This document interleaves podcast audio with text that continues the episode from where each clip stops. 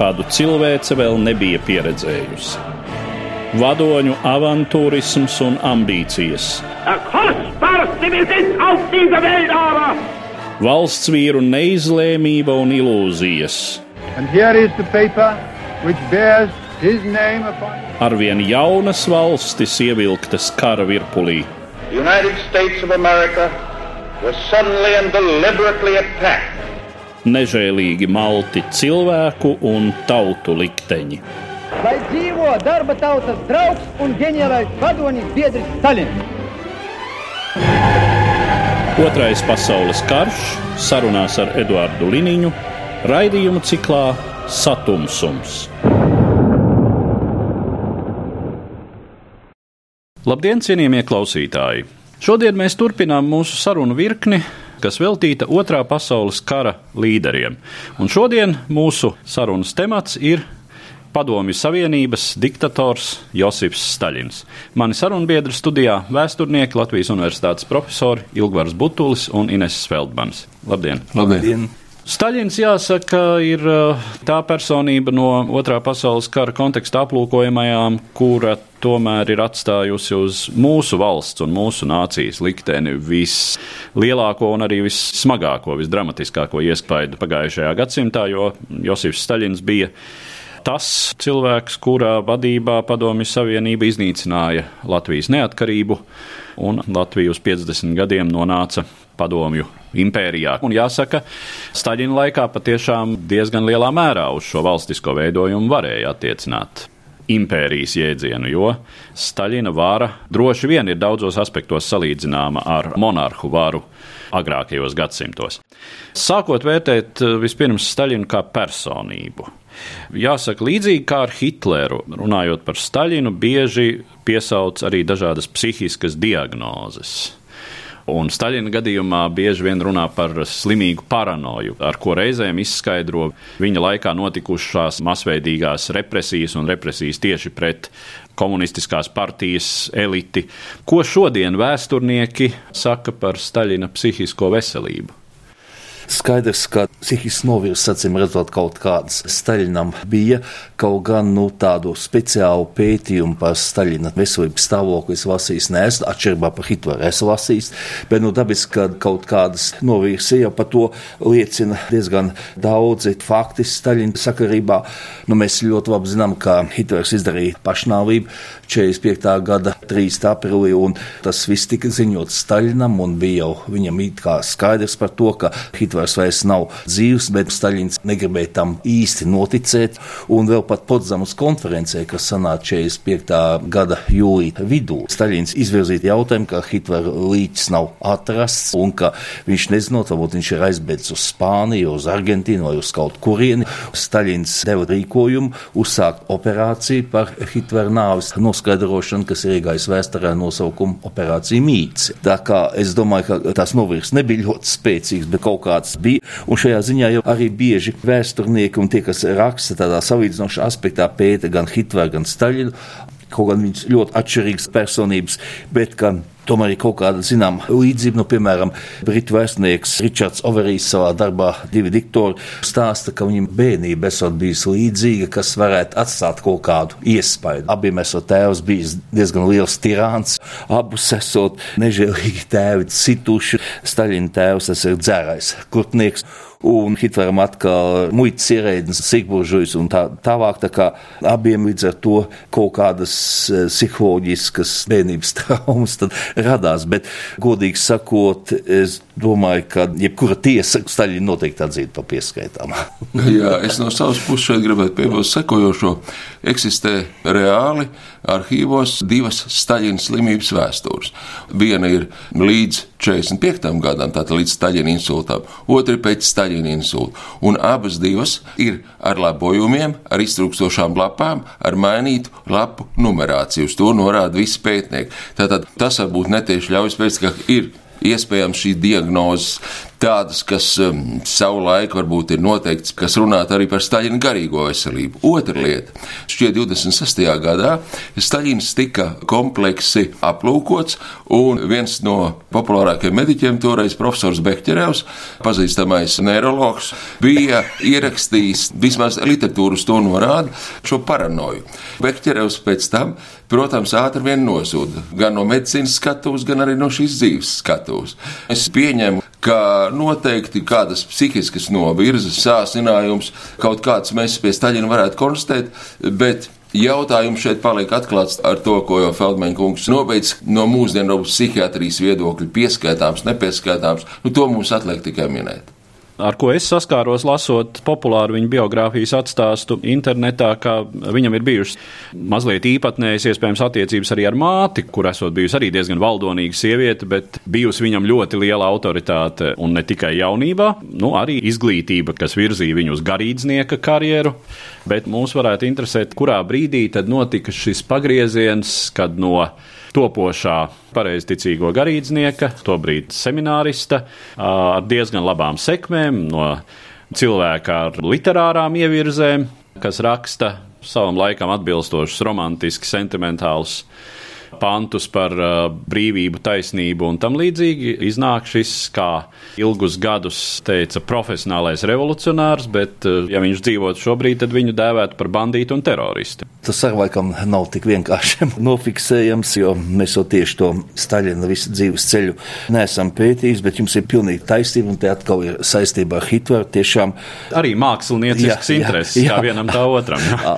Arī tajā aspektā, kad abi gan Hitlers, gan Staļins bija ļoti pieķerti pieķērušies mātei. Hitlers ļoti mīlēja māti, nu mazāk man zināms par Staļinu, bet Staļins arī bija pieķēries mātei, un viņai arī viss klausīja. Staļins toreiz gan viņu vēl sauca par soso, iesauka, pateicoties tieši mātes ietekmīgiem draugiem. 1893. gadā, 15 gadu vecumā, arī iestājās labākajā reliģiskā izglītības iestādē, kas toreiz bija Krievijas impērijas dienvidos un proti Tifulis garīgā seminārā.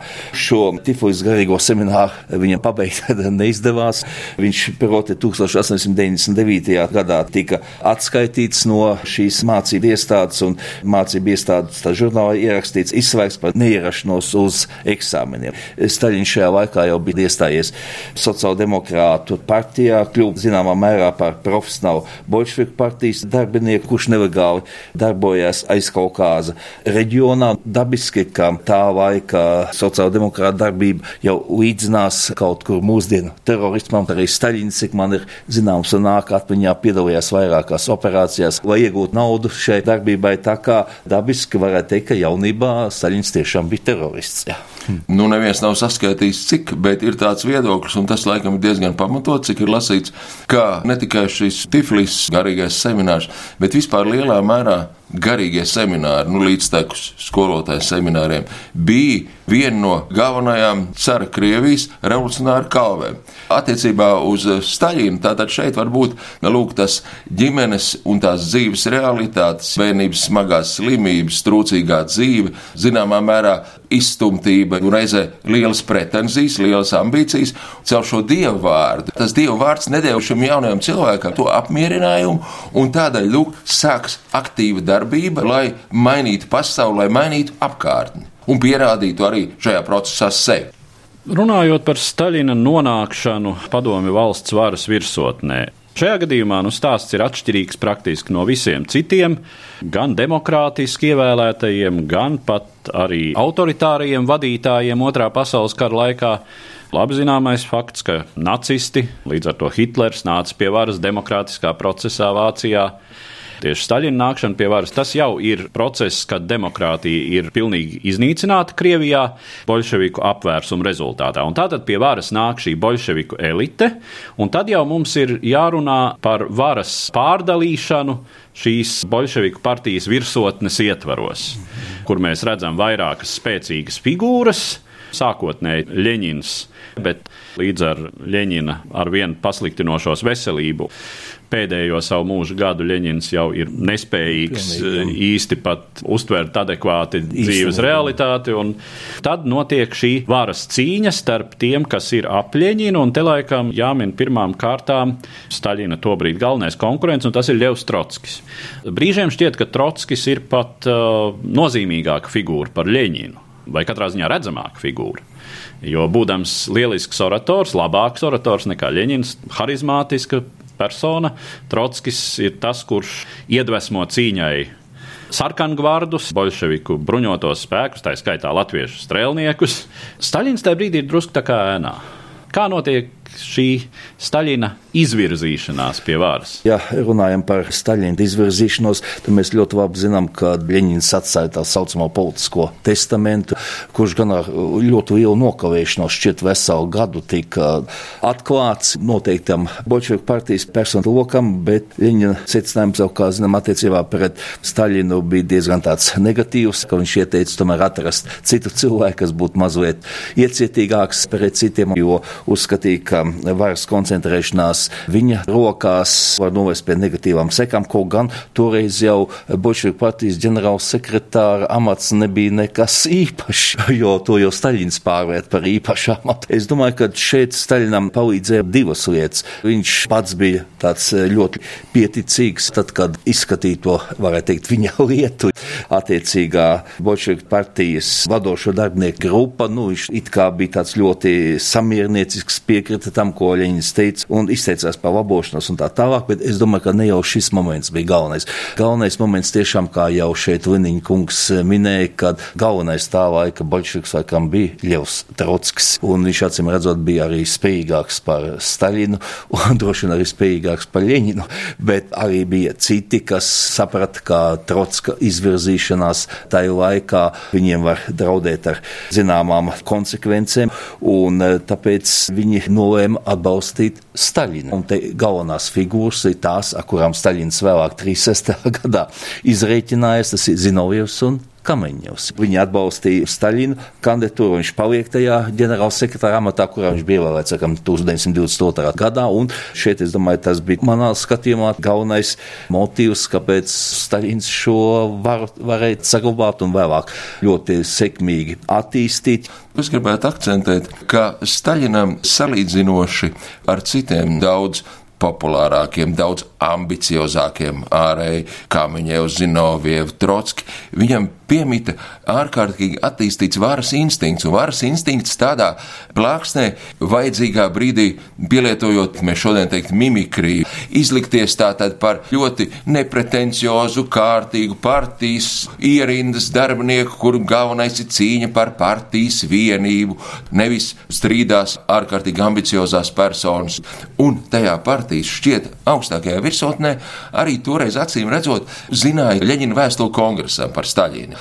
Bet iedomāsimies toreizējo situāciju tikko pēc pilsoņu kara un bolševikiem, kad Leņķins pārmet Staļinam neiecietību pret biedriem, pārāk brutāli un tā tālāk. Nu, tas toreiz liekas nu, absolūti nieki, jā, nu, revolucionārs paliek revolucionārs. Jā. Un Staļins zināmā mērā, cik var spriest, tajā laikā ir tāda kā kompromisa figūra, jo es negribētu vilkt, tie ir pilnīgi citi cilvēki, bet tas ir gandrīz 64. gads Hruščovs Brežņevs. Lūk, neviens jau neņēma Brežņevu par pilnu. Pagaidām, ja, nu arī Staļins. Pagaidām tagad, jā, nu viņš mums tāds bez īpaši lielām pretenzijām, bet vēl otra lieta tam politiskam, manuprāt, instinktam, kas viņam bija liela priekšrocība, ka Staļins nevērsās uzreiz pret visiem, viņš sadalīja spēkus ļoti pareizi. Vispirms cīnīties pret Trotski pēc tam pret Zinovievu Kamiņevu, pēc tam pret Buhārinu. Viņš ārkārtīgi precīzi darbojās, un te mēs nevaram noliekt, ka šajā ziņā viņš bija ļoti prasmīgs un izmanīgs. Jā, tā tad šī pakāpeniskā nonākšana varas virsotnē un pēc tam nogrūst no turienes pa vienam visus citus, kas bez tevis vēl tur atrodas. Tā ir bijusi Staļina stratēģija, kuru viņam tiešām izdodas veiksmīgi īstenot. Un var tikai vēlreiz akcentēt, nu, ja mēs tā palūkojamies uz šo personu galeriju, tad noliekot Staļinam līdzās kaut vai to pašu Trotski vai Buhārinu, tas ir spilgtākas personības. Neapšaubām. Ar savām īpatnībām, ar daudz izteiktāku harizmu, ar kaut kādām cilvēciskām vājībām, kas ir spilgtāk izteiktas. Staļins ir, nu, jā, nu, pīpīt, pīpē. Nu. Diezgan svarīgi saprast, kā tad darbojās Staļina varas mehānisms pēc tam, kad viņš no bolševiku gvardes sākotnēji pie varas nākušā pirmā ešalona bija palicis praktiski vienīgais. Kas bija tie cilvēki, kas bija ap viņu? Mēs zinām tādus cilvēkus kā Molotovu, Kaganoviču, Beriju, Es domāju, ka viņi visi bija cilvēkam, tomēr tās pretenzijas uz varu bija daudz, daudz mazākas nekā Staļinam, viņi šajā ziņā Staļinam it kā nebija nekāds drauds un apdraudējums. Bieži vien arī vēsturnieki mēģina risināt jautājumu, kādā veidā Staļinam izdevās panākt, ka viņi tajā tuvākā apkaimē, nu, kā tādi ļoti paklausīgi cilvēki ir, kas nemēģina pret viņu vērsties, tad šajā gadījumā vienmēr jau tiek minētā Staļina pielietotā taktika cīņā par varu. Viņš gluži vienkārši tām represijām viss bija iebaidījis, un līdz ar to nekāda nopietna opozīcija viņam izveidoties nevarēja. Teiksim, viens tāds opozīcijas veidošanās mēģinājums bija tieši tai laikā, kad Neciskā Vācija uzbruka Padomju Savienībai 1940. gada jūnijā. Tad likās, ka arī Staļins, kas galīgi negaidīja šo uzbrukumu un bija arī fiziski un psiholoģiski sagrauts šī uzbrukuma rezultātā, un arī pat viņš man šķiet pieļauj tādu domu, ka viņi tajā laikā var gāzt. Un tur arī bija izvirzījušies vairāk cilvēki, kas it kā bija ar mieru spērt to pirmo soli, un kā viens no tādiem Staļina aizstājiem bija paredzēts tieši jūs minētais padomju ārlietu tautas komisārs Jačsavs Molotovs. Un faktiski šo mēģinājumu 41. gada jūnija beigās faktiski Molotovs sev izjauca, jo uz viņu tika likts viss kārts, ka viņš varētu būt tas, kas var nomainīt Staļinu, bet nu, viņš tomēr nesaņēmās. Un, attiecīgi, kad viņi ieradās pie Staļina, viņa vasarnīcā, kad bija nodomāts šo galmu apvērsumu izdarīt, tad Molotovs to visu uzreiz izjauca, uzrunājot Staļinu, tad jūs tagad komandējiet mūs stājieties valsts priekšgalā, un Staļins jau tiešām pēc tam no vis tā psiholoģiskā šoka atguvās un ļoti labi darbojās kā pretošanās organizētājs Krievijā. 2006. gadā tāds fonds Sabiedriskā doma izdarīja aptauju par eh, Staļinu, kā viņi vērtē Krievijas mūsdienu sabiedrību, un 47% šajā aptaujā atbildēja, ka viņu uztverē Staļina loma ir ļoti, ļoti pozitīva vēsture. Un tikai 29 atzīmē, ka viņam negatīvs tās represijas un tā tālāk. Tas ir it kā ļoti ļoti dīvaini, jo es domāju, ka neviens diktators tomēr nav atbildīgs par tik daudz bojā gājušiem cilvēkiem kā ir Staļins. Bet, nu, redziet, vēl gandrīz puses Krievijas sabiedrības mūsdienās domā, ka viņa loma ir pozitīva vēsturē. Runājot par tiem 30. gadiem un šo Staļina nostiprināšanos un iespējamo pretošanos viņa režīmam, es domāju, ka šeit gan tas demokrātijas trūkums Padomju Savienībā, kas ir Krievijas tradīcijas, gan tās jaunā politiskā kultūra. Pirmkārt, Staļinam bija lieliska prasme visas savas kļūdas, neizdarības novelt uz izpildītājiem, sākot jau ar kolektivizāciju, lūk, biedri uz vietām. Un to arī uzņēma kā patiešām tāda īsta otra. Šeit mazliet papildinot to, ko Ines teica, ārkārtīgs bailes no represijām. Tātad vispirms represēt, pēc tam represēt tos, kas ir represējuši. Un tā bez gala. Un Vēl trešā lieta, ka, lūk, kas attiecas tieši uz šo augstāko eliti.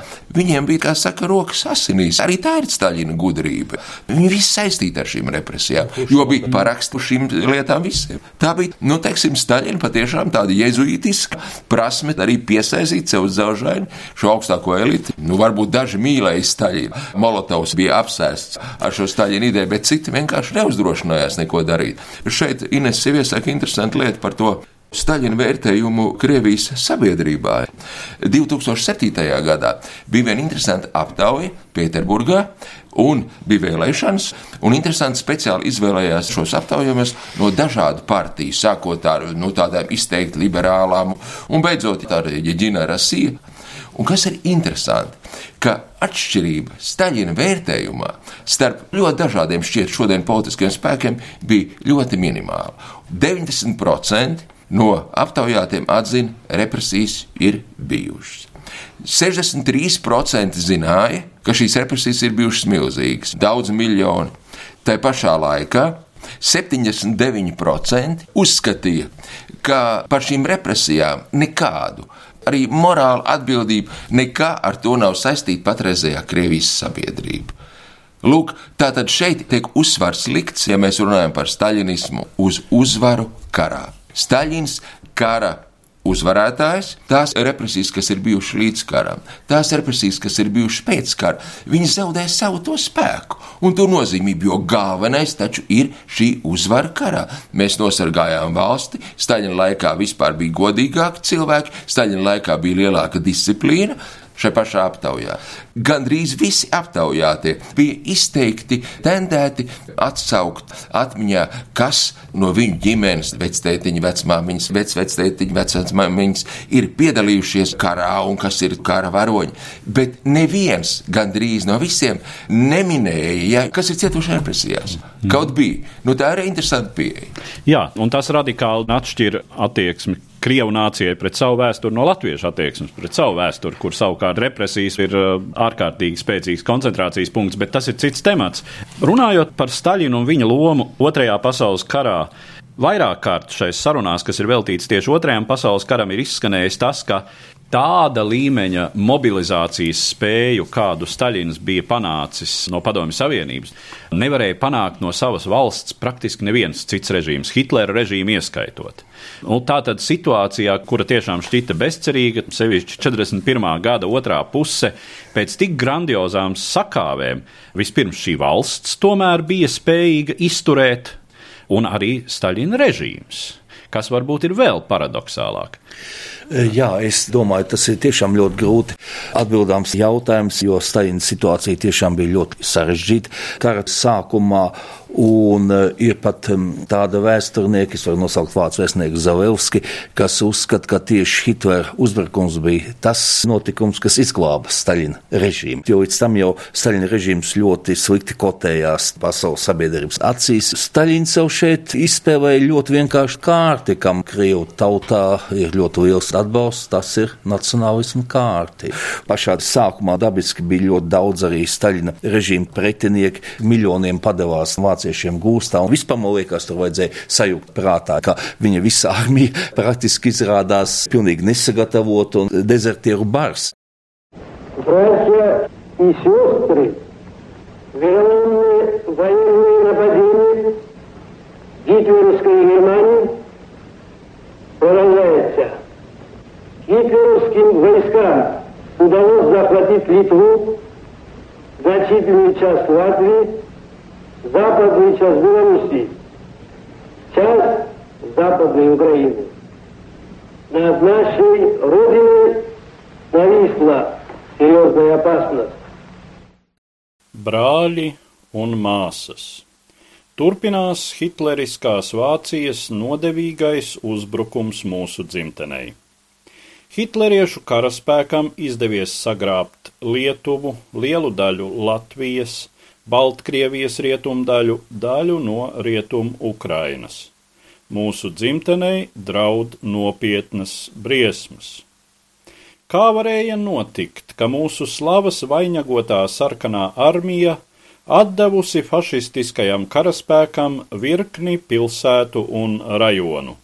Vai vācu fašistiskais karaspēks patiešām ir neuzvarams, kā par to nepaguruši bazūnē plātīgie fašistu propagandisti. Protams, nē. Vēsture rāda, ka neuzvaramu armiju nav un nav bijis. Napoleona armiju uzskatīja par neuzvaramu, bet to cits pēc cita sakāva Krievu, Angļu, Vācu karaspēks. Ķeizara Vilhelma Vācu armiju imperialistiskā kara laikā arī uzskatīja par neuzvaramu, bet tā vairāk kārt zaudēja kaujas Krievu un Angļu franču spēkiem, un galu galā Angļu franču spēki to sagrāva.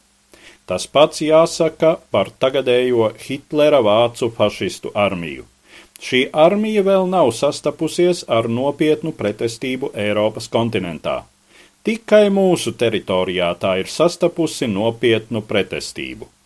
Un ja šīs pretošanās rezultātā labākās vācu fašistiskās divīzijas jau ir mūsu sarkanās armijas sakautas, tas nozīmē, ka hitleriskā fašistiskā armija arī var tikt sakauta un tiks sakauta, tāpat kā tika sakautas Napoleona un Vilhelma armijas. No Josifa Staļina uzrunas Padomju Savienības pilsoņiem 1941. gada 3. jūlijā. Bet nu, Staļins redziet, prata tiešām atrast to īsto kārtu, šajā ziņā tas nacionālisms jau tika kultivēts lielā mērā tieši ar naida palīdzību pret vāciešiem. Es domāju, ka šeit viens no galvenajiem momentiem, ko bieži vien vēsturnieki cenšas ignorēt, Hitlers pasludināja iznīcības karu pret Padomju Savienību, bet viņš pasludināja iznīcības karu pret ebrejiem un bolševismu, ne jau pret slāviem, kā kādreiz to mēģina atsevišķi vēsturnieki izvirzīt priekšplānā. Bet eh, Staļina atbildes gājiens bija 1941. gada 6. novembrī, tieši tad, kad gatavojās parādei sakanajā laukumā, viņš atklāti pasludināja iznīcības karu pret vāciešiem. Un es domāju, ka šī spēle uz Krievu nacionālām jūtām, ja uz tādu varētu teikt pat eh, nacionālismu, arī tādā negatīvā nozīmē, tas bija viņa galvenais trumps. Tas ir tas būtiskais jautājums, cik lielā mērā Staļins turpina to tradīciju, to stilu, kas bija raksturīgs Krievijai jau pirms bolševika apvērsuma. Cik lielā mērā mēs varam teikt, ka Staļins ir Ivana Bargā, Pētera Lielā turpinātājs? Protams, ja runā par šīm tradīcijām, Staļina izpildījumā, tā ārkārtīgā nežēlība un ārkārtīgā nerēķināšanās ar saviem iedzīvotājiem. Tas varbūt tā mazliet mietpilsoniski skan, bet tas tomēr tā ir, ka vācieši karojot, viņi bija pieraduši pie kaut kāda noteikta minimuma, kuru nedrīkstēja samazināt, un to Hitlers izvirzīja kā vienu no galvenajiem uzdevumiem. Staļinam tāds jautājums neeksistēja, un to jau mēs zinām ne tikai no kara, bet arī pirmskara kolektivizācija, jā, arī pēckara, nu, bats, nu un tad. Bet es tikai gribu pieminēt, ka zināmā mērā ūdeni uz Staļina dzinnavām ar savu diezgan arī nepārdomāto politiku pret daudziem padomu savienības iedzīvotājiem palīdzēja Hitlers pats.